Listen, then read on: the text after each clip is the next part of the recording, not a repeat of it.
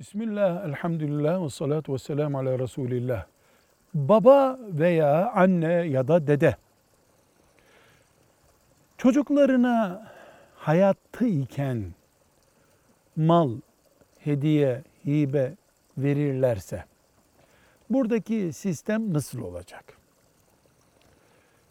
Bir kere bir Müslümanın öldükten sonra varisleri tarafından paylaşılan malına miras denir. Ama ölmeden önce mal verdiğinde Müslüman çocuklarına baba olur, anne olur, dede olur.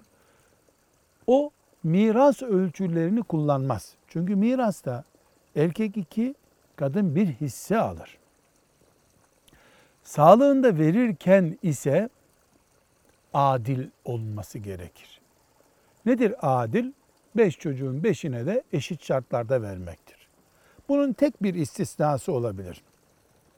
Filan engelli çocuğu mesela hepsine 50'şer bin lira verirken onun bir de bakıcıya ihtiyacı olduğu için ona 60 bin lira verebilir. Makul bir gerekçe var ortada. Mesela şöyle bir şey olmaz. Son çocuğunu çok seviyor.